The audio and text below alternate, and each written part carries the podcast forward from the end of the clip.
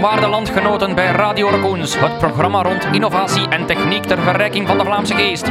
Dit programma wordt u gebracht door de Raccoons Groep, een verzameling technologiebedrijven die zich bezighouden met wonderlijke uitvindingen zoals kunstmatige intelligentie, praatrobots, virtuele realiteit en zelfs kwantumrekenaars. Uw presentator voor vanavond, geef hem een hartelijk applaus, David, ik bedoel David de Meijer. Hallo allemaal, welkom terug bij Radio Raccoons. Onze gast van vandaag is Dimitri de Jonge, co-founder van Ocean Protocol en BigChainDB. Centraal onderwerp vandaag is blockchain en waar de technologie vandaag precies staat. We hebben het natuurlijk ook gehad over cryptocurrencies zoals Bitcoin en Libra. En tot slot nog enkele gedachten gewisseld over de link tussen AI en blockchain.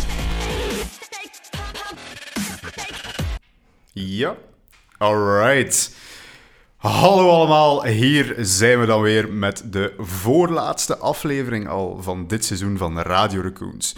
U kent ondertussen het concept al, ik heb voor u een interessante gast, een centrale vraagstelling en natuurlijk mijn fact-checking sidekick, Oeh, Sam. Sam, wat is onze centrale vraagstelling van vandaag? Dag David, vandaag is de centrale vraagstelling voorbij de hype, waar staan we nu met blockchain? Alright, en natuurlijk hebben we daar ook weer de perfecte gast voor gevonden, want hier bij mij zit een ongelofelijke expert. Dimitri de Jonge, um, PhD in Machine Learning aan de KU Leuven, early adopter van Bitcoin, oprichter van het BigChainDB-systeem, oprichter van het bedrijf Ocean Protocol, maar bovenal... Uh, de uitvinder van Zwaneloni, uh, dat is cannelloni met zwanworstjes. en dat is ooit op Villa van Tielt geweest en dat staat in uh, Kotfood van uh, Sergio Herman. Zwaneloni. Maar kunt je me heel even uitleggen wat dat juist is? Is het cannelloni met daarin een zwan zwanworstje? Ja. ja, misschien was het echt nog wat verfijnder dan dat. Maar ja. Ik kan het even googlen Makkelijk. Altijd in de kast. Zwaneloni. Zwaneloni, je vindt dat wel. Ik moet wel zeggen, de kunst van zwanworstjes in stukjes snijden en, en bij mijn maaltijden doen, dat is denk ik iets dat elke student wel, uh, wel, wel, ja, wel ja. heeft. Dat is uh, next level. De smaakmaker ja, onder Als je geen mes hebt, dan kun je zwaneloni maken. Hey, kunnen we de centrale vraagstelling nog aanpassen naar, uh, naar, naar een culinair subject? Nu dat we toch Een beetje koken met Radio Raccoons. Alright, Dimitri. We gaan misschien eens praten over ons centraal onderwerp.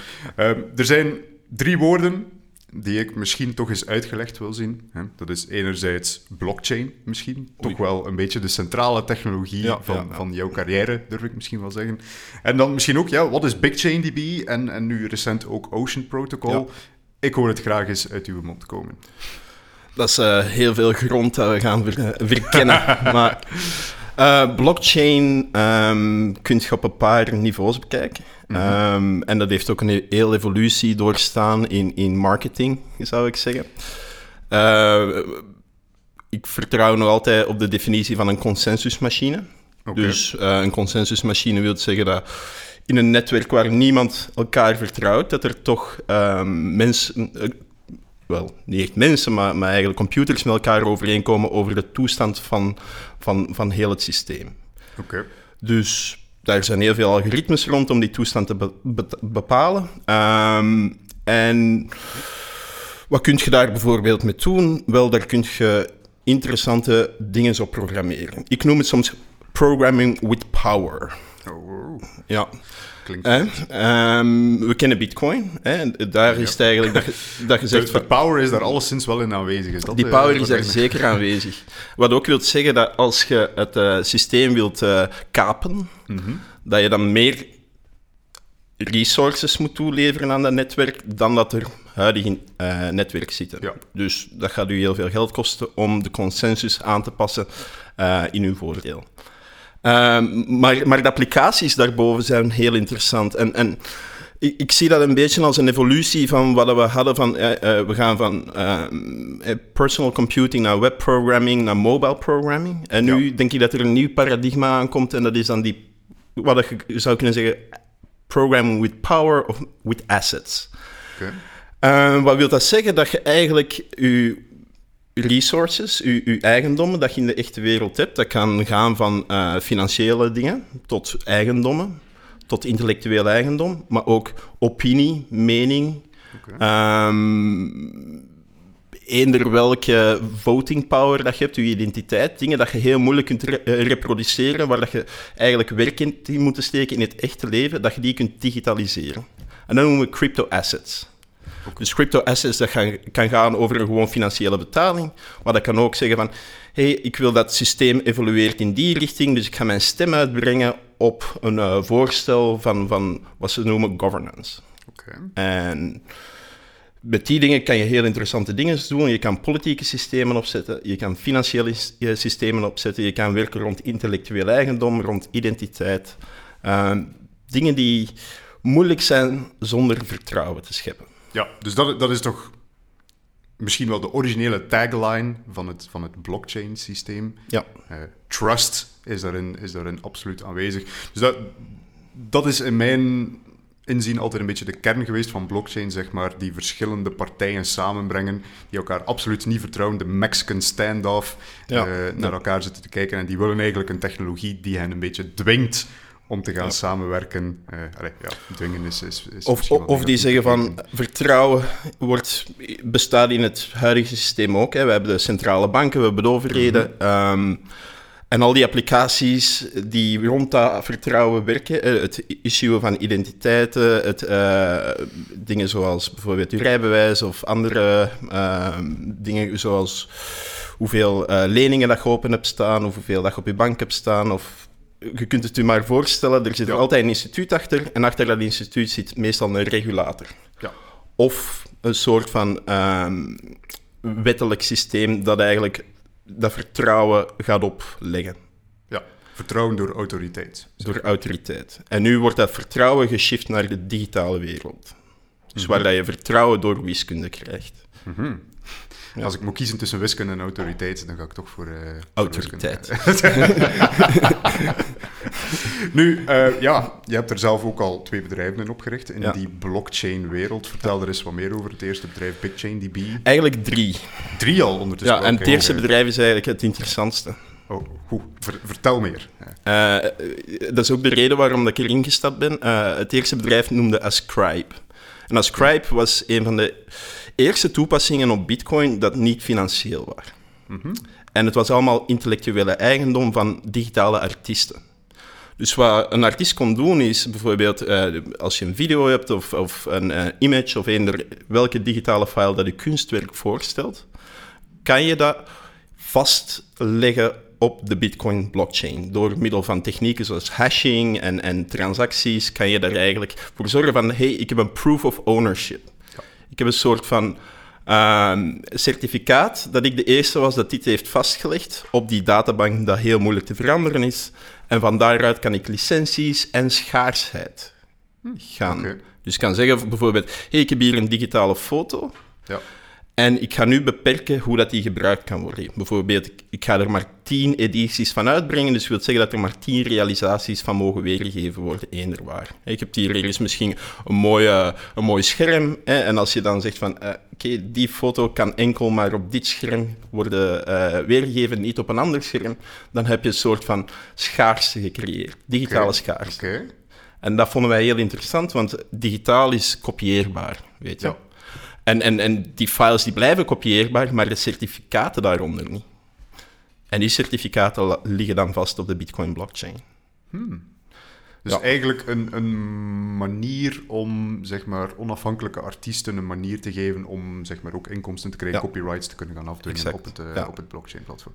Dus dat was het eerste bedrijf, Ja. heb je gezegd. Ja, dat klinkt, dat klinkt ook als een, als zo een typisch early Bitcoin-bedrijf. Ja. Ik herinner mij nog altijd de vroege, de vroege jaren waarin dat iedereen eigenlijk dacht van, weet je wat, we zetten gewoon de volledige regering op de Bitcoin. Waarom Exact. niet? eh, dus exact in die lijn ook. ook eh, en nu, ja, wat is er dan precies geworden van dat project? Wel, ehm, dat is heel interessant, want wij dachten, van, we zetten heel de kunstwereld daarop. Zoals dat je Natuurlijk, al ja. naar hintte. En dan hadden we ook een klant die nou eens eh, redelijk veel eh, eh, foto's daarop wou zetten. Voor- Van onafhankelijke artiesten. IAM, eh, een, een, een Berlijns bedrijf. En dat was 2014, dus de kost van bitcoin-transacties was vrij goedkoop. Dus konden wij makkelijk 10, 20.000 transacties in bulk gaan sturen.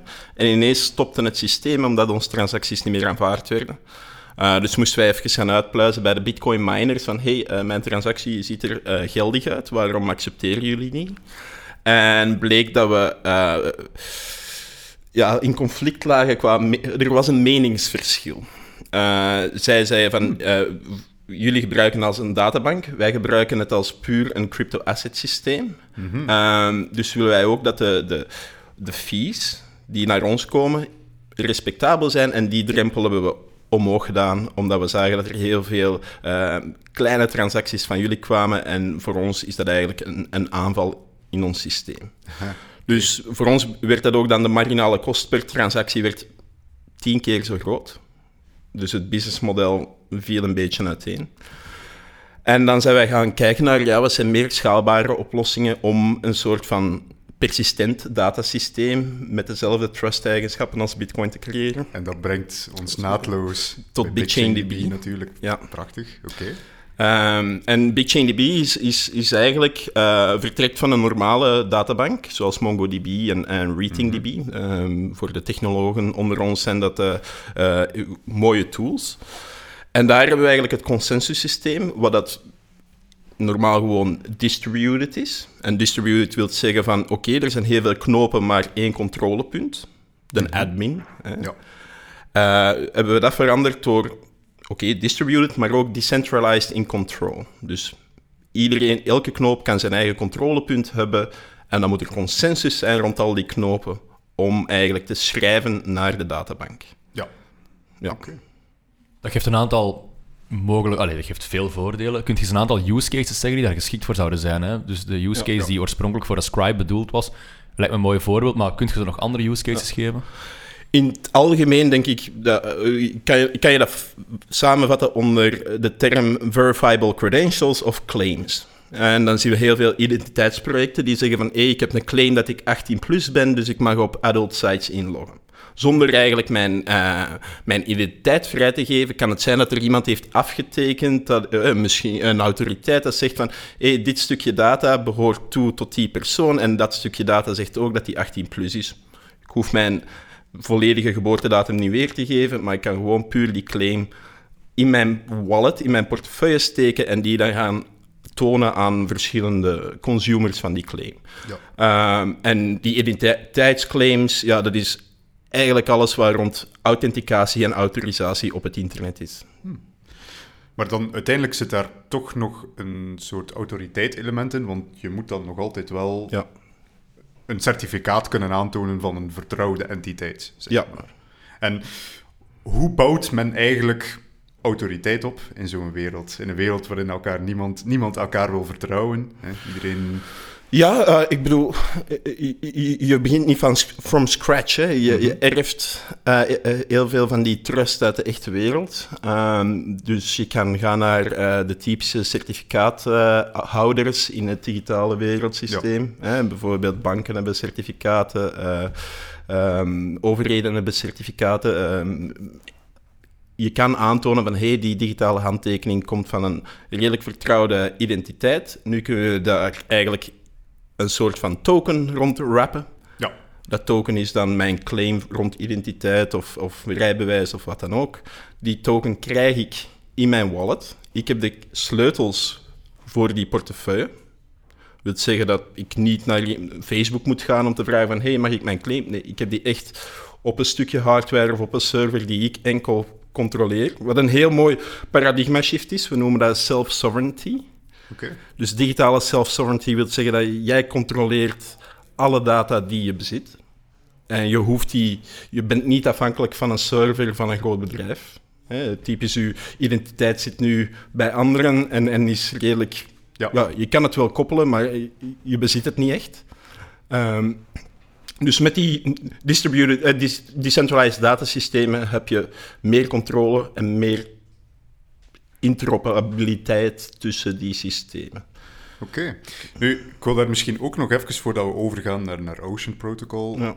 lijkt het mij het ideaal moment om ook eens te gaan praten over de vraag van onze vorige gast, Stefan Wenke, die zich eigenlijk afvroeg van, in de wereld van blockchain, hoe zit het dan eigenlijk, ja, je hebt er eigenlijk al deels antwoord op gegeven, met identiteit en privacy? Ja. Vooral misschien privacy. Uh, verwacht je misschien dat we in de toekomst veel meer onze identiteit gaan moeten bewijzen dan nu, het al, nu al het geval is, dat we daar nu al oplossingen rond aan het uitdenken zijn. Ja, e- e- een van de mooiste dingen eh, rond het blockchain-ecosysteem is de ontwikkeling van cryptografie. Ehm, daar zijn heel veel experten die ofwel consensus ofwel cryptografie heel goed in zijn. Ja. En iets wat eh, heel hot en trendy is, is wat wij noemen zero knowledge. Zero knowledge is een cryptografisch systeem waar dat je kan aantonen dat iets waar is zonder te laten zien wat het is. Mhm. Eh, zoek het maar eens op op, eh, op Wikipedia wat dat juist is. Maar is Eh, eigenlijk vergelijkbaar met de use case dat je daarnet gaf van aantonen dat ik 18 ben. Principe Zonder, zonder dat ik effectief een certificaat, mijn ID Ja. whatever, toon. Doordat er consensus over is dat iemand dat aangeleverd heeft, moet ik zonder die informatie te geven, gaan ze dat aannemen als waar. ja. Dat is eigenlijk een beetje hetzelfde, of niet? Het, ja, ik, het, het is hetzelfde toepassing. Het, het, het- ik denk dat zero knowledge bijvoorbeeld terugkomt tot bijvoorbeeld hashing-algoritmes. Ik denk dat dat het simpelste is om uit te leggen wat een zero knowledge systeem is. Ehm, ik kan bijvoorbeeld vragen van, hey, ik heb een hash. Kan jij tonen dat je, wat we, we, we noemen het het pre-image, of het geheim is, dat hash tot die hash. Dat wil zeggen dat als jij die hash kan aantonen, dan weet ik dat, je, dat jij die hash hebt kunnen produceren. Dan weet ik ook dat jij het, het- de string of, of de pre-image of het geheim hebt geweten om die hash te produceren. Ja. Dus een soort van, een soort van systeem dat zegt van... Oké, ik zie een cryptografische uitkomst en om daartoe te komen weet ik dat je een geheim had. Of Ja. weet ik dat je een taak hebt uitgevoerd. Dus eigenlijk, het is, het, is, het is een beetje paradoxaal. We gaan veel meer onze identiteit moeten bewijzen, maar tegelijkertijd ook meer privacy kunnen genieten. Ja, Dat is wel... eh, ja. Kijk, we moeten misschien eens met onze regering over praten, over zulke zaken. eh. Ja, het, het, het is nog een beetje een exotische cryptografie, maar die, die, die is heel mooi ontwikkeld. Eh, er is een systeem dat noemt Zcash. Ehm, dat is, Ah, ja, ja oké, cool. Zcash is, is, is een blockchain zoals Bitcoin, maar alle transacties zijn eigenlijk gesh- geshield met zero knowledge. Oké. En wat het Zcash-systeem eigenlijk aantoont, is dat in zo'n transactie moet je aantonen dat het aantal muntjes erin gaat en het aantal muntjes dat eruit gaat hetzelfde is, een soort van eh, balans. Ja. En die balans... Die Een ledger, zeg maar. Ja. Een ledger, Eh, zeg maar. Ja, ja. Oh, maar binnen de context van één transactie. Ja. Eh, hetgeen dat erin gaat, moet er ook uitkomen. En dat bewijzen met zero knowledge. Zo je ziet niet wie naar wie betaalt, maar je weet wel dat het klopt. Nu, om eventjes de actualiteit erbij te gaan halen. Onze regering die wil graag allemaal onze vingerafdrukken verzamelen op onze identiteitskaarten. Daar is op zijn zachtst gezegd een heel klein beetje commentaar op. Regering geeft daar niet echt om, maar Ja. gaat ook door. Als we nu zouden zeggen van kijk, we willen absoluut die vingerafdrukidentiteit kunnen bewijzen, of we willen die identiteit kunnen bewijzen. Dat is misschien het achterliggende doel van die vingerafdrukken. En, en men komt naar u, Dimitri, en zegt van, goh, hoe gaan we dat aanpakken? Eh, zie, je daar, zie je daar een, een rol voor blockchain-systemen? Mij lijkt daar... Ik, ik, ik- laten we even filosofisch bekijken deze. Oeh, ja, ons Oké. filosofisch gaan. Ehm, bijvoorbeeld vingerafdrukken en, en DNA. Mhm. Ehm, vinden jullie dat eh, privaat? Is dat iets wat je zegt van oké, dat hoort tot mezelf en ik wil niet dat iemand anders daar iets mee doet? V- Vingerafdrukken zijn misschien nog discutabel, maar, maar DNA zou ik toch zeggen van wel. Eh, Ja, nu, maar- Vandaag de dag nog niet, maar ik herinner mij bijvoorbeeld, er is zo'n gratis ehm, Ah, ja. DNA-checking website en die zeggen echt van, oké, wij houden dat bij. Ehm, Nu doen we daar nog niet zoveel mee, maar in de toekomst gaan we daar serieuze shit mee kunnen doen. Daar komt het min of meer op neer. Ja. Dus eh, allee, denk erover na voordat je data aan ons geeft. Zijn die daar zelfs redelijk eerlijk over? Ja. Dus, dus eigenlijk, uw biologische code behoort tot ons. Hè? Maar het is ook wel hetgeen wat heel makkelijk eh, te vergaren is. Het is iets wat het eigenlijk heel publiek is. Hè? Ik, ik heb mijn glas hier, ik heb het vastgepakt met mijn handen, ik heb ervan gedronken, jullie hebben het. Het is daarmee dat ik het gegeven heb, het glas. Hè, dus, Ja, kijk. Hè, dus filosofisch gezien kunnen we daar eigenlijk al niet meer voorbij. Ja. We worden gesampled en we zullen meer en meer gesampled worden als DNA-sequencing uh, goedkoop wordt, en het wordt zeer goedkoop, Mhm. dan gaan mensen heel makkelijk profielen kunnen trekken en, en, en identiteit kunnen checken op een manier dat wij het eigenlijk niet willen. Dus het enige wat we kunnen doen is dan zorgen dat we volledig gelamineerd rondlopen en al, al onze Dus vloeistoffen... eigenlijk, eigenlijk wat je wilt zeggen, waarom zou het boeien als het binnenkort toch super makkelijk is om het te verkrijgen van iemand? Je, je schudt iemand zijn hand en er valt een haartje van hem op je jas, je pakt dat en je hebt toch zijn DNA. Dus waarom zou je het zo beschermen? Is dat Ja. cru gezegd? wat je Dat is cru waar gezegd waar ik naartoe ja. wil gaan. Oké. En er zijn landen, meestal de, de exotische reislanden, waar dat het eh, geweten is dat eh uw vingerafdrukken Mhm. samen met de... En dan het interessante is de koppeling met uw paspoort, eh, dat die gewoon doorverkocht worden. Ah ja, oké. Dus daar is zeker een markt voor. En het is het koppelen met die identiteit dat heel interessant is. Hè? Ja. Wat dan ook natuurlijk weer vergemakkelijk wordt door dingen zoals artificiële intelligentie en, eh, en gezichtsherkenning en al die dingen. Dus onvermijdelijk zitten we in een surveillance eh, Ja. wereld. En, en ja, Ju- Just go with it, is, eh, is jouw advies. Of, of heeft blockchain daar, hè, als ik durf dromen van een, van een blockchain-based identiteitskaart, is, is, zijn daar mogelijkheden in? dat kan. Ehm, het voordeel daar is gewoon dat je eigenlijk zegt van oké, ik ga self-issuance doen van mijn identiteit. En ik ga ook zelf beheer doen van mijn identiteit. Dus ik, ver, ik, ik hoef niet noodzakelijk naar een regering te stappen om mijn identiteit te bewijzen. Mhm. En wat, wij doen dat ook redelijk weinig in de digitale wereld, waar typisch een e-mailadres of eh, two-factor authentication redelijk voldoende is om te Ja. bewijzen dat je mens bent en welke mens dat je bent.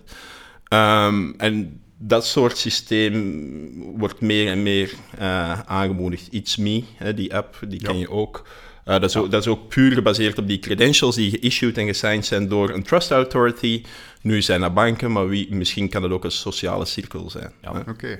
Dus in, in binnenkort, als uw kind geboren wordt, dan presenteert je uw kind aan de community en dan verwelkomen. je- je neemt er een Ja. paar foto's van en die verwelkomen dat kind dan op, eh, op de, de, de blockchain identity proving system. eh, Mooi plastisch voorbeeld wel, ja. BIPs. Prachtige plaats. Copyrighted, Ja, by the way. Staat erop, staat erop.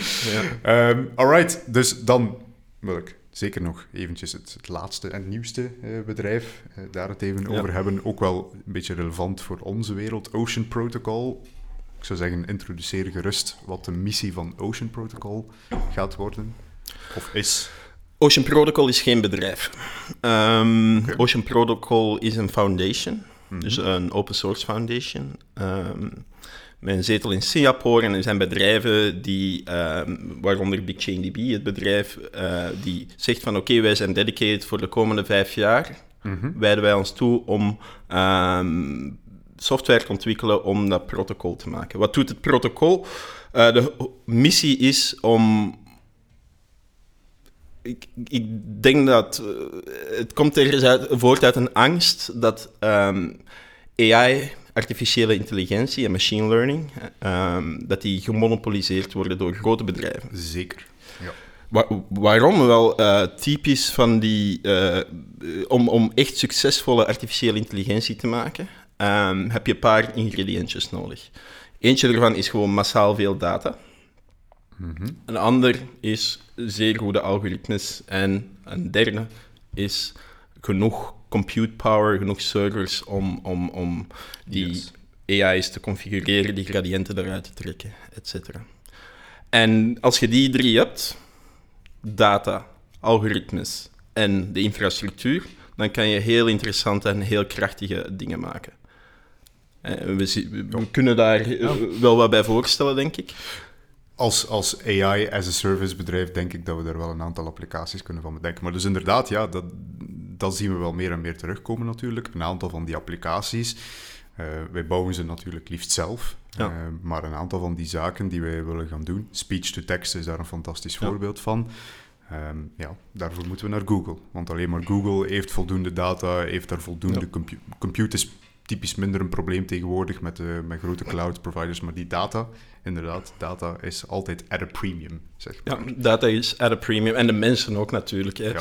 De, die mannen aan OpenAI die verdienen tussen 1 en 2 miljoen per jaar en zo. Dat Ja. is niet gegeven voor elk bedrijf. Omdat, eh, Dus wij zien een monopolisering daar aan de hand. En wij denken dat machine learning en AI eigenlijk wel iets is dat de grotere gemeenschap moet dienen. Hè, eh, klima- climate change monitoring, eh, feedback loops, die eigenlijk voor zorgen dat jij kan zien van als je iets consumeert, wat de impact is op, op, op de natuur. Ik ben een beetje daar rond bezig eh, met een project Nature 2.0. Ehm, dus dat zijn eigenlijk hackers en ingenieurs dat proberen in de plaats van te protesteren, Ja. te bouwen naar oplossingen om eh, klimaatverandering tegen te gaan. Ehm, en er is heel veel te doen rond healthcare. Hè. De medische sector, wij werken bijvoorbeeld rond ehm, detectie van afwijking in uw longen. Afhankelijk van röntgenstralen, maar ook zo chronische eh, eh, ziektes, zoals Parkinson, eh, waar dat je eigenlijk heel gelijkaardig als bij diabetes een terugkoppelsysteem kunt gaan configureren. Bij diabetes is het redelijk simpel om, om je bloedsuiker te meten. Bij, bij Parkinson en, en Alzheimer is het wat moeilijker en hangt af van de bewegingen en van het trillen van de persoon. Oké. Dus daar, om te detecteren in welke modus dat je zit, heb je dan AI nodig om, eh, die dan constant zich bijstelt naar je profiel toe. Ja.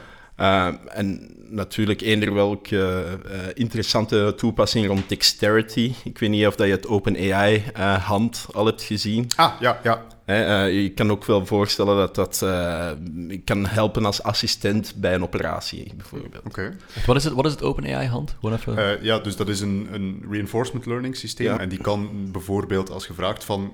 Je legt er een kubus in ja. en je vraagt van... Oké, okay, toon mij nu een keer die kant van die kubus. Dan kan die die kubus zodanig... Heeft hij eigenlijk geleerd om die kubus zodanig te manipuleren dat, dat de gevraagde kant zichtbaar ja. is. Okay. Dus dat, dan krijg je... Dat is eigenlijk een manier om een behendige, dus dexterity voor de, de mensen die het woord niet ja. kennen, een behendige hand te creëren, puur door reinforcement learning. Maar nu, heel concreet, als we het hebben over Ocean Protocol, ja. laten we laat nu in die, die medische wereld blijven. Ja. Um, ik ben enerzijds een patiënt. Ik ja. genereer data als patiënt zijnde. Ik uh, ben een ziekenhuis. Ik aggregeer die data? Zijn er nog plaats, is er nog plaats voor een ziekenhuis?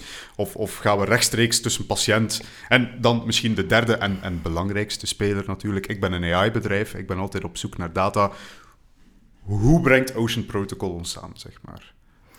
Of het... hoe faciliteert Ocean Protocol onze werking? Wist je dat het gemakkelijker is om een orgaan te doneren dan uw data te doneren? uh, ik heb het nog nooit geprobeerd. Very maar... intrigued. Als je dood, dat is echt waar. Oké. Okay. Is, het is makkelijker om iets te ondertekenen van hé, hey, uh, je mocht mijn ja, organen ja, ja. Gaan, uh, gaan, dan, dan uw data. Ah, je mocht iets medische... doen met mijn medisch dossier bijvoorbeeld. Ja. Ah, ja, dat is eigenlijk wel een fair point. Ja. Dus da, in de medische sector is het exact dat soort consent dat we gaan proberen vast te leggen, automatiseren en protocollen ontwikkelen die als ervoor zorgen dat AI's en machine learning algoritmes kunnen leren, meestal in een federated setting. En federated learning wil zeggen van hey, we gaan heel kleine uh, algoritmes sturen naar, naar datapots mm -hmm. en dan gaan we dat aggregeren in een groter systeem. Okay. Um, en daarvoor zorgen we, uh, maken we protocols dat we zorgen dat we zoveel mogelijk privacy preserving zijn. Mm -hmm. Dus dat we zeggen dat we geen datalekkage hebben. Maar dat we zeggen van, hey, uh, ik heb hier data, ik bezit die data. Die zit bij mij, misschien op mijn laptop, op mijn gsm of op een server die ik controleer. Ja. En ik laat toe dat sommige algoritmes naar mij komen. Ik ga die zelf draaien en dan de uitkomst van dat algoritme, die getrainde gra gradients, mm -hmm. die ga ik dan terugsturen of eerst door een mixer sturen. Zodat die in, in, een, in een groep gemixt worden, dat er nog meer uh, anonimiteit ja. komt maar dat dat toch het globale systeem kan leren. Oké. Okay. Dus we zeggen niet van, hey, je krijgt mijn data en je leert erop. Nee, we zeggen, onder mijn toestemming laat ik dit soort algoritme toe om op mijn set te leren en dan spuw ik gradiënten uit naar het netwerk.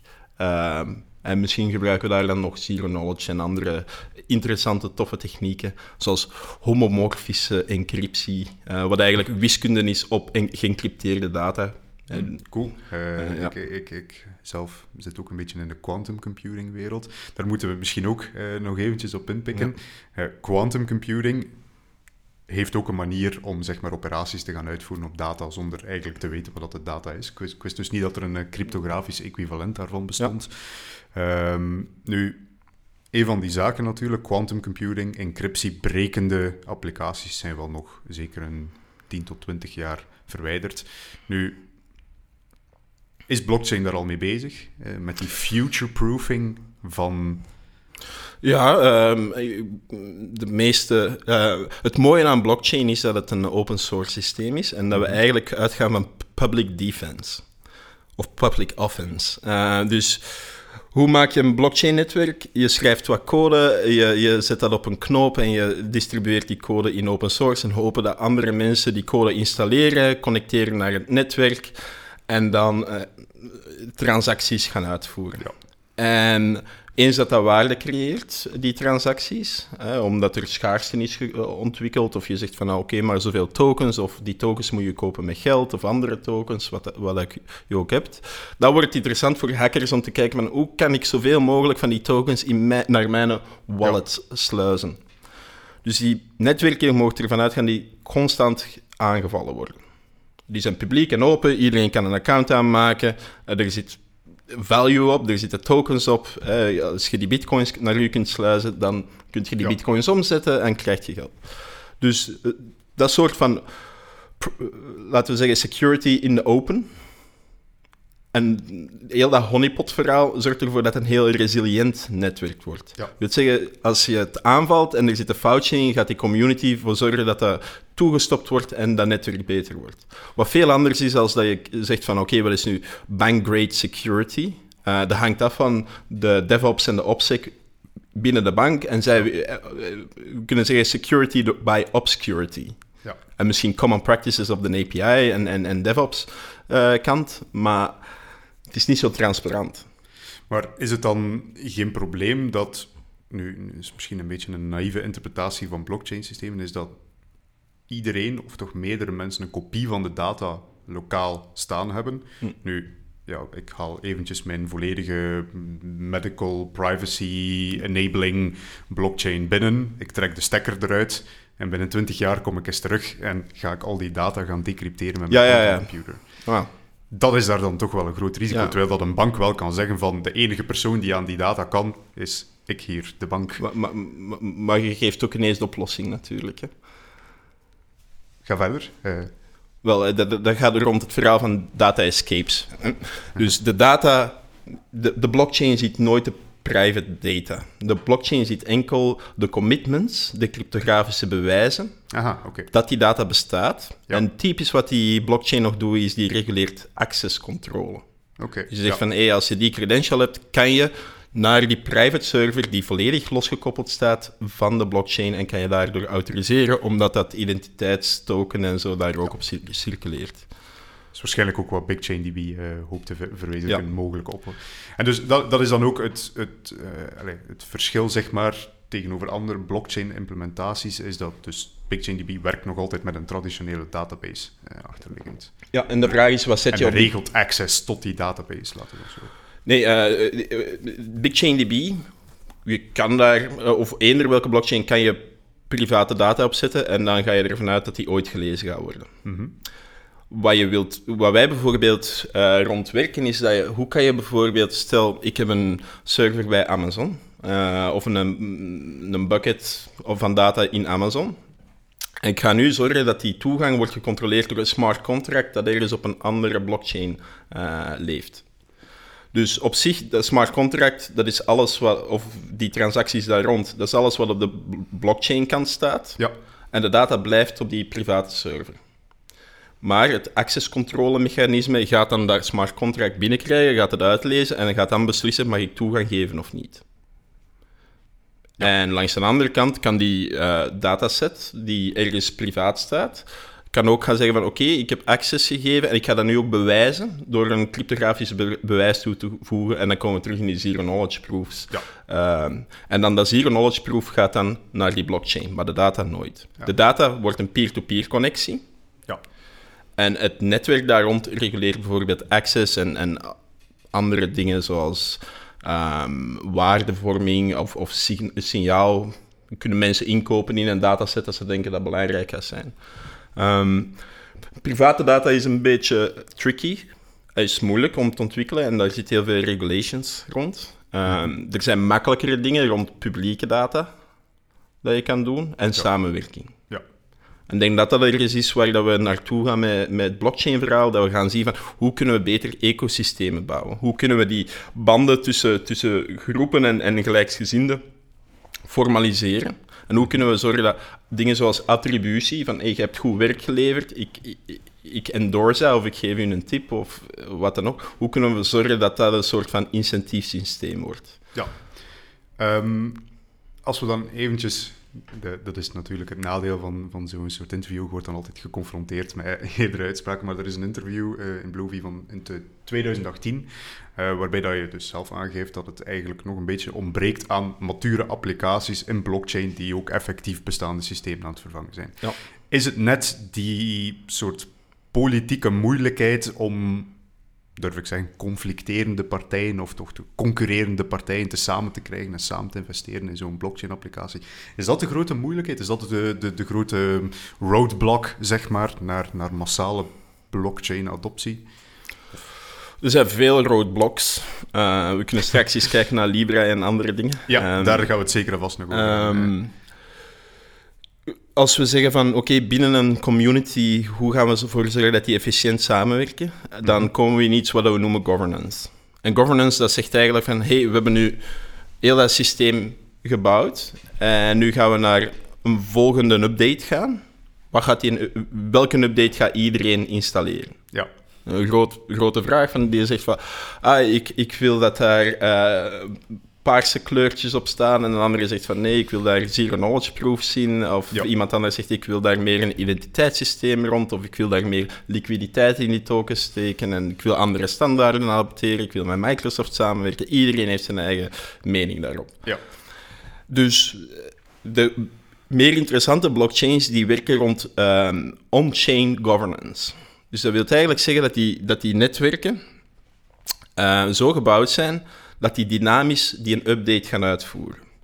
Vanaf dat er bijvoorbeeld 90% van, van de mensen zeggen van oké, die een update ja of nee, yay of or nee, ehm, presenteert zoveel tokens. Hè, die tokens heb je verdiend of gekocht. Ja. Of is één identiteit één token, wat dan ook, eh, kan je kiezen.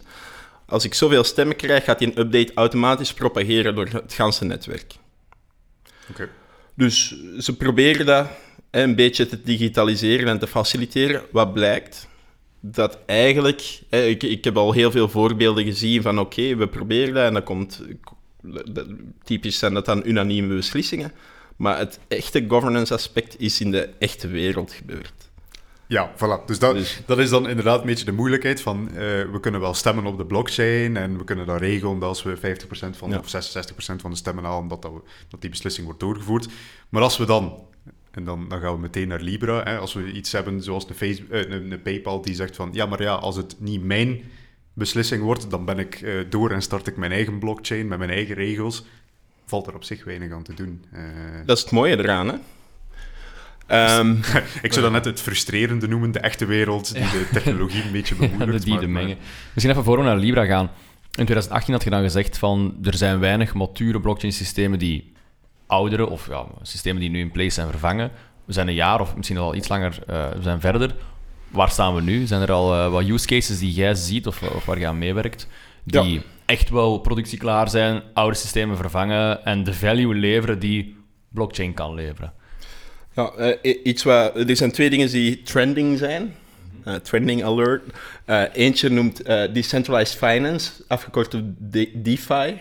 Ehm, en dat wil zeggen peer-to-peer lending. ehm, of het soort van subsidiëren van, van activiteiten en bounties uitgeven. Dat is redelijk matuur. En je ziet dat ook in heel veel van de open source projecten. Die zeggen van, hey, ik heb geen mensen, maar ik heb wel tokens. Ja. Ik ga een bounty zetten van als iemand dat maakt, krijgt hij zoveel tokens. En dat, dat werkt bij ons bijvoorbeeld heel goed en anderen. Eh, er zijn eh, Bounties Network, eh, die zijn in de Filipijnen hebben die een token uitgebracht om mensen plastic op te laten halen. En die hebben tonnen, tonnen plastic opgehaald. Dus die dingen werken. In supply chain gaan er nog wel heel wat vinden. Maar het andere dat heel interessant is, wat noemen we DAO's? Decentralized Autonomous Organizations. Dat zijn eigenlijk een soort van crowdfunding platformen Ja. die volledig gecontroleerd zijn door smart contracts. Dat wil zeggen van mensen steken daar geld in en die zeggen van oké, laten we samen iets leuk bouwen. We weten nog niet goed wat, maar laten we samen iets leuk bouwen. En dan kunnen er mensen die iets willen bouwen zeggen van oké, ik heb een proposal, ik wil dit gaan bouwen, krijg ik zoveel geld. En dan gaan die mensen die als daar geld in hebben gestoken, krijgen dan evenredig stemmen. Dan Ja. kunnen die zeggen van oké, we, gaan dat beta- we gaan dat bouwen of niet. En als je genoeg stemmen hebt gekregen, dan krijg je die tokens om iets te maken. Ja. Dus dat zijn de twee heel interessante eh, dingen. En er is een specifieke DAO dat, dat je maar eens moet gaan bekijken. En een soort van cult en een secte tegelijk. Ehm, en dat noemt Moloch DAO. Moloch is een god. Ja, wat van, dan ook. waar ken ik die naam? Dat is ja, eh, een of andere eh, god die offers brengt. Ehm, Ja.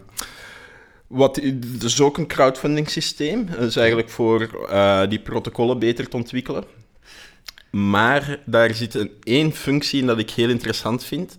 En dat is eigenlijk wat PayPal heeft gedaan. En dat noemen we de rage quit.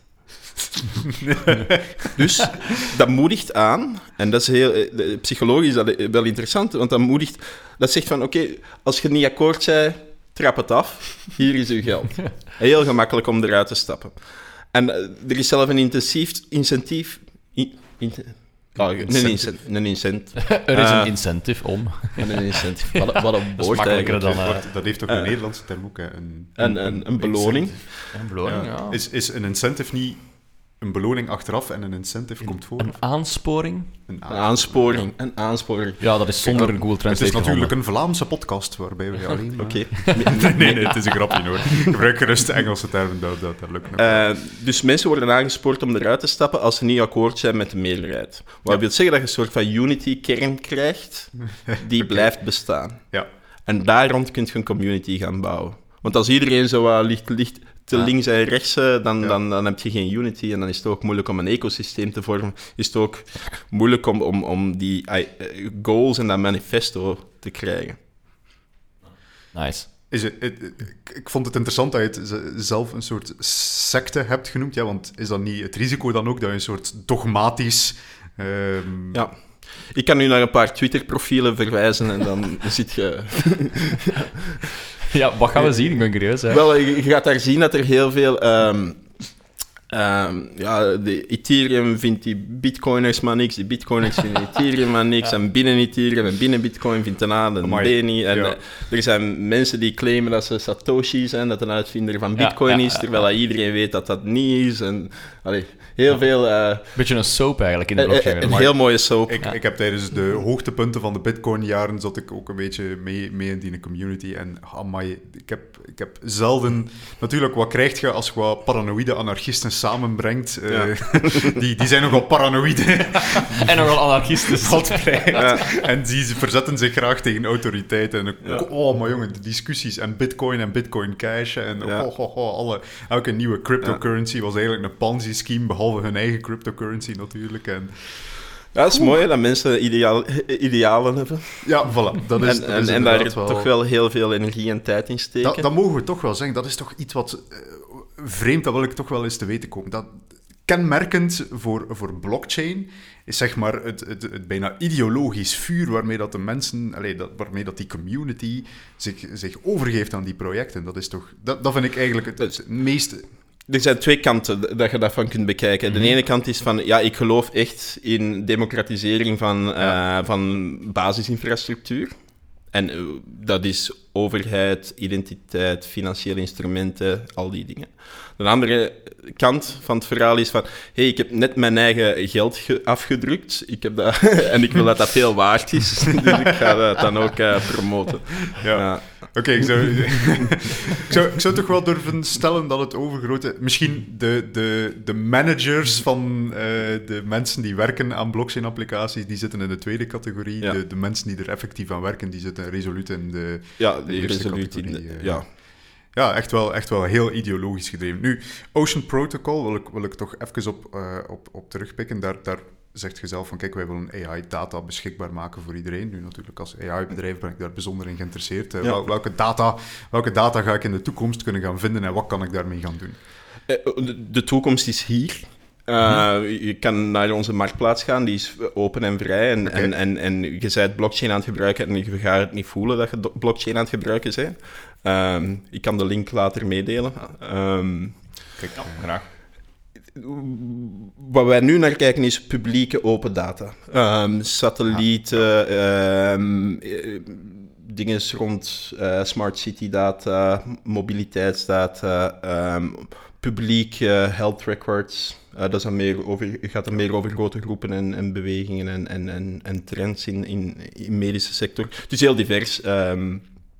dus het initieel systeem zegt van oké, ehm, we gaan attributie mhm. eerst zetten, voordat we payments daarachter gaan zetten. Ja. We gaan zo- ervoor zorgen dat mensen eigenlijk kunnen samenwerken Ja. rond die data, nieuwe algoritmes gaan werken en telkens een attributiestap krijgen. Ja. Dus dat je zegt van, oké, ik ben een data scientist, ik heb een algoritme gemaakt, ik heb dat getraind hierop en nu gaan anderen dat gebruiken en dat is 500 keer gebruikt. Dus dat is misschien wel relevant. Dus ik krijg daar tenminste reputatie van ja. En hopelijk valuatie. Ehm, dus er, ergens zo zorgen van, ja, kunnen we communities rond datadelen maken? Kunnen we ervoor zorgen dat mensen die echt iets relevant toevoegen, dat dat ook erkend wordt? En dat dat vastgelegd wordt? En dat je die bron van, van, van waardecreatie eigenlijk kunt gaan traceren. Oké.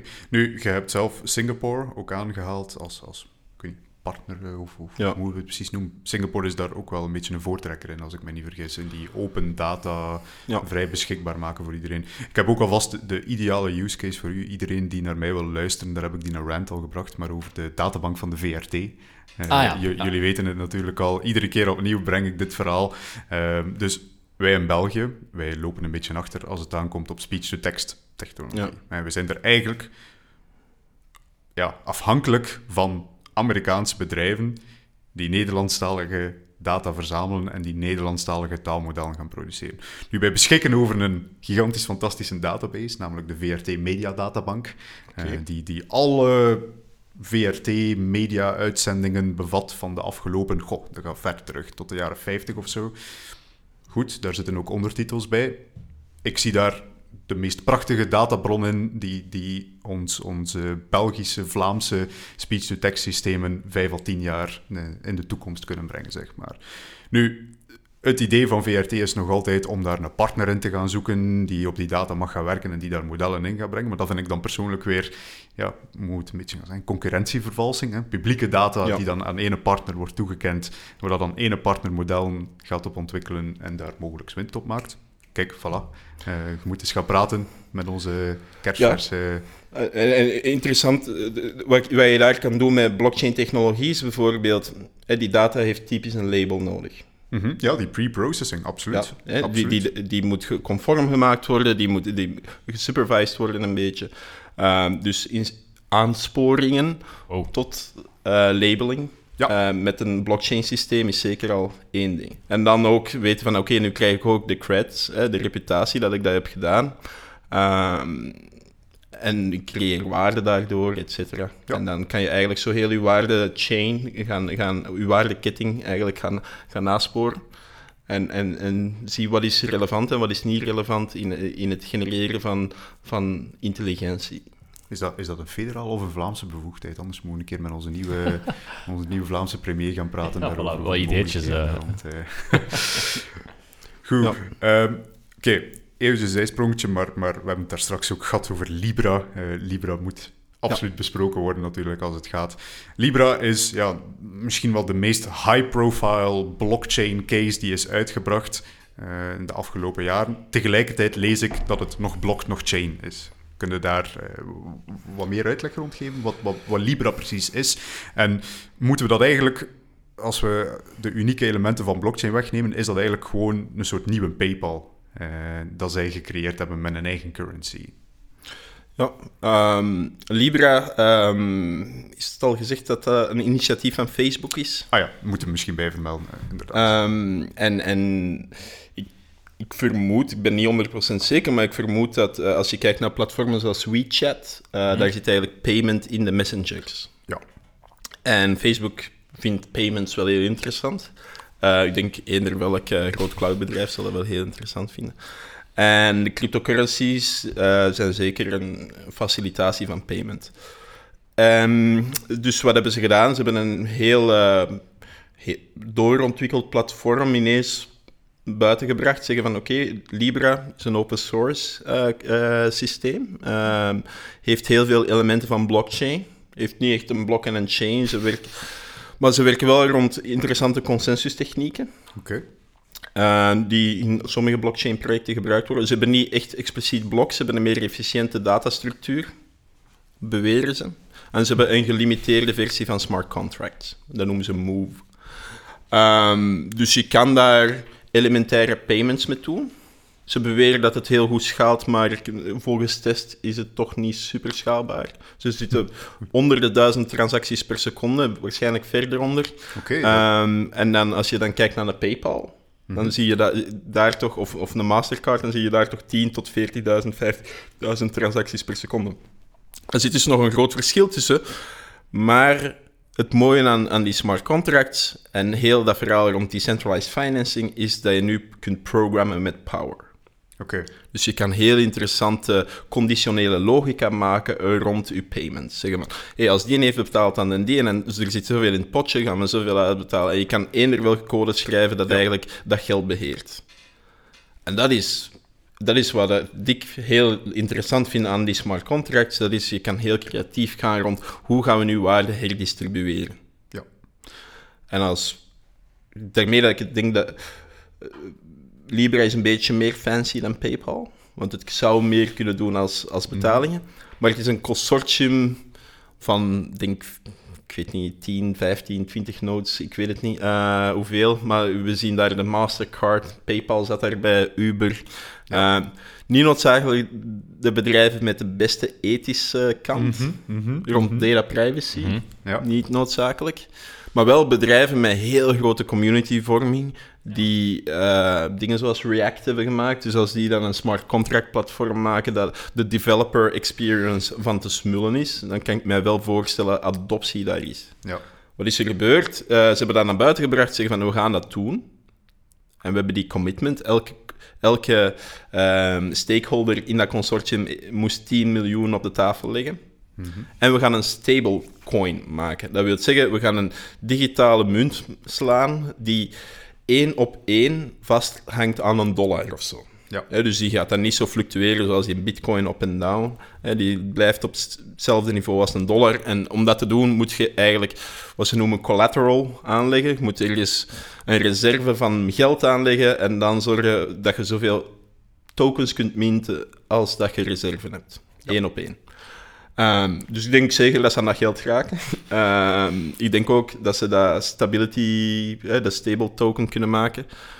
Maar veel van de regulatoren en Trump en anderen, die, zijn daar, die, die hebben daar schrik van, Ja. van zoiets. Ja. Ehm, en, en het interessante daarvan is, ze struikelen eigenlijk rond een paar dingen. En dat is Know Your Customer, KYC, as well as Anti-Money Laundry. Dat zijn twee dingen die... En misschien ook een, eh, een, een money transfer license. Er zijn een paar dingen dat je moet, moet, moet bereiken om, om effectief geld te gaan op en neer sturen tussen knopen, oh, tussen mensen. Eh, oh, ik noem mensen al knopen. Eh, eh, in ieder geval, ehm, ja, daar hebben ze heel veel weerstand van gehad. En nu zijn er een paar ehm, die, die wat schrik hebben gekregen van de EU en, en de uitspraken en die dan uit dat consortium gaan stappen. PayPal natuurlijk. als, PayPal. eh, Ik zie ook, eh, de Wall Street Journal zegt ook dat... eh, PayPal is er 4 oktober uitgestapt, blijkbaar. En dan is blijkbaar Visa en Mastercard are also reconsidering their involvement Oei. with Libra. Ja, dus... eh, Dus, ik denk dat het probleem dat we daar straks beschreven hadden van eh, een consortium bijeenkrijgen van partijen met verschillende belangen moeilijk blijkt. Blijkbaar hier dus ook. eh, Ja, imago-schade niet. Ik denk dat ze allemaal wel eh, de, de value, value zien, proposition... ja. Maar ehm, het probleem is dat de regulator eigenlijk dat allemaal niet zo goed weet. Ja. En, en, en, en voor ons is dat ook altijd een heel groot probleem geweest, zeker omdat wij dan nog eens rond data werken, hè, Mhm. met die GDPR eh, erbij. Dus ik vind het heel, heel, heel nobel eigenlijk van Facebook dat ze hebben gezegd van oké, we gaan eruit met een splash en als ze nu geen standpunt creëren, Ja. dan, Ja. dan weten we toch tenminste iets meer. ja, dan weten we waar we staan. Ja. Was het maar eender wie anders dan Facebook geweest, denk ik dan soms. Eh, eh, is dat nu een Google coin, eh, een Apple coin, een Amazon coin, maar een Facebook coin? Ik denk, mensen hebben zo'n soort standaard knee-jerk reaction als de naam Facebook en... en Wel, kan mij voorstellen dat die anderen wel ergens in een eh, geheim labo aan het... Allee, ik weet zeker dat Google een blockchain-project heeft. Ik weet Ja. ook dat Amazon een blockchain-project heeft. Eh, ze verkopen het as such. Eh, en ze gaan zeker geen zeggen van... Oké, het verschil met Facebook is dat ze echt een permissionless systeem wouden bouwen. Waar we zeggen van... Oké, we kunnen dat de consortium uitbreiden in de toekomst. Knopen dat we niet echt kennen of vertrouwen kunnen dan toegevoegd worden. Heel dat systeem rond governance was uitgedacht. Uh, dus dat was wel ja, Dus- ba- ballsy. Misschien coming soon, dus dat is dan misschien een mooie vraag om af te sluiten. Ehm, ja, wat mogen we ze de komende jaren nog allemaal verwachten van blockchain? Eh, een Google Coin, is daar mogelijk één iets van? Wat, wat zie je nog zo aan de horizon? Ehm, ja, ik was gisteren met de Nationale Bank aan het praten van Nederland en die waren bezig rond een, eh, eh, ook rond het Libra-verhaal. Ehm, En dan vroegen ze zich af, oké, zouden we dan geen ECB-coin, European Central Bank Coin kunnen maken? En dan was ik ook aan het uitleggen van, ja, dat is toch niet 100% hetzelfde, want je hebt die community en dat open source gedeelte niet. Ja, Ehm, dingen om naar uit te kijken zijn eh, degelijk wat wij, wij noemen het blockchain-verhaal Web 3.0. En Web 2.0 is zo de SaaS en de Ja. cloud en al die dingen. En wij, zitten, wij proberen ons te positioneren in Web 2.5. Ja. En eh, zeggen van oké, elementen van blockchain zijn interessant. Zeker die elementen van die cryptografie zijn interessant. Voor, eh, voor federated learning met zero knowledge kunt u er wel wat bij voorstellen. Heel interessant wordt. Eh, die incentieven zijn heel interessant en die hoeven niet eh, tradable buiten het ecosysteem te zijn. En gewoon het algemene ding rond ecosystem building. Dat wil zeggen van oké, we gaan meer en meer code open source maken. We gaan zorgen dat we een, een gezonde developer community met incentives gaan creëren. We gaan ervoor zorgen dat we een open netwerk draaien voor die infrastructuur. Dat we die business cases rond die applicaties en die tokens gaan maken. Dat we dat in die decentralized autonomous organizations gaan steken. Die misschien aan de tijd aangestuurd worden door meer en meer machine learning, dat dan beslissingen gaan maken rond de waardeketting. Ehm, dus die stack die wordt redelijk efficiënt opgebouwd. En waar die eh, ondertussen vruchten aan het afwerpen is, en dat is in een niche, in de digitale kunstwereld oké. Ja? omdat we daar zien van, oké, er zijn heel veel digitale kunstenaars dat met dat nieuwe vorm van waardeverdelingen en een nieuwe soort van patronism en, en, en collectivism gaan, gaan werken. En, en, en daar zit je al echt met basiswaarde digitaal, die dan nog eens in die tokensystemen en in die smart contracts wordt gestoken. Dus dat is, daar zie, gaat het snelste iets, iets interessants Ja. zien. Ja, ik, ik heb persoonlijk bijzondere hoop voor eh, een, een van mijn grote schrikbeelden in de nabije toekomst als het op artificiële intelligentie aankomt. Voor mij is eh, ja, de, de zeg maar, automatisatie van fake news. Eh, ik zeg altijd fake news, you ain't seen nothing yet. Eh, nu, zijn dat de Russen ergens in een kelder die slecht geschreven artikels schrijven. In de toekomst krijgen we AI-systemen die fake, valse informatie kunnen dumpen aan, aan een... Ja, allee, ook niet te onderscheiden vallen. Die kunnen elkaar cross-referencen, die kunnen dat dumpen aan volumes waar dat wij als mensen gewoon niet om kunnen gaan. Dus misschien gaan we heel snel moeten toegaan naar een systeem waarbij informatie cryptografisch geverifieerd kan worden, kan toegeschreven worden aan bepaalde mensen. Dat is, Ja. als, ik, als ik persoonlijk eentje zou moeten kiezen, is dat mijn, eh, mijn grote hoop voor, hm, laten we toch Ja. zeggen, al de komende tien jaar, eh, dat zoiets naar boven komt.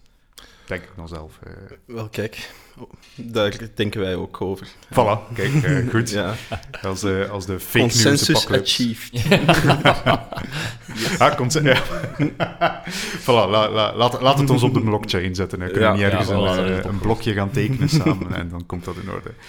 Alright, Dimitri, ik wil je alvast bedanken voor uw komst hier vandaag. Nu, natuurlijk, er is ook altijd de rode draad eh, doorheen al onze afleveringen hier. Dat is namelijk dat wij ook een vraag, u gaan vragen om een vraag te stellen aan onze volgende gast. Onze volgende gast wordt eh, Jan Houtekiet, bekend radiomaker. Heb jij een vraag toevallig die jij graag door Jan beantwoord zou zien? Ehm, hmm. Wel, misschien. Ik was aan het denken, als we dan toch eh, kijken rond eh, synthese van tekst. Mhm. En die digitalisatie van daarvan. Ehm, ik werk veel rond communities en ecosystemen. En ik kan mij voorstellen dat er een, een corpus van Vlaamse taal wordt ontwikkeld, waar dat mensen ehm, een soort van incentief hebben om, om dat zeggen van ja, ik heb deze hier opgepikt in, in het West-Vlaams of dat en ook Ja. en al die dingen. Eh, Breng het allemaal maar samen in een mooi corpus, we gaan dat labelen. Ehm, is het dan niet zo dat we heel moeilijk gaan vinden van wat is de correcte taal? Mhm. Ja. Ik denk dat dat een, een zeer algemene vraag is dat we ook aan hem kunnen stellen. Van, ja, wat is correcte taal zelfs? Eh, Ja. Ik denk dat daar zeker en Ik denk dat vast... we daar een heel interessant antwoord gaan op Ja, en dat Jan Ja. daar ook wel een eh, uitgesproken mening Ja, over zal absoluut, hebben. eh. absoluut. Oké, heel interessant. Ik dacht Eh, eigenlijk dat je hem ging vragen om mee eh, taal te gaan, Nederlandse taal te gaan annoteren voor, voor machine Nee, learning. dat, dat doet hij sowieso. Zou hij zien zitten om, eh mits een correcte incentive, data te annoteren? Die vraag zullen we hem ook voorleggen. Oké, zeer goed. Ehm, Sam, ja, kijk, je hebt natuurlijk ook altijd de closing remarks. Het laatste woord, bijna het laatste Ja. woord. Nee, zoals altijd, als het boeiend was, eh, abonneren, blijf je op de hoogte. En liken als je meer wil horen. Voilà, daarmee is alles gezegd. Goed, bedankt iedereen voor het luisteren of voor het kijken. En eh, tot de volgende keer.